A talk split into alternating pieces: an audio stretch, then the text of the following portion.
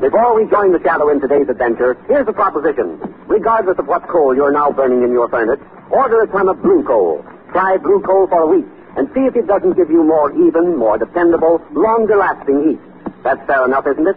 And remember, when you order blue coal, you get courteous, careful delivery and helpful consideration of all your heating problems. Phone your neighborhood blue coal dealer tomorrow.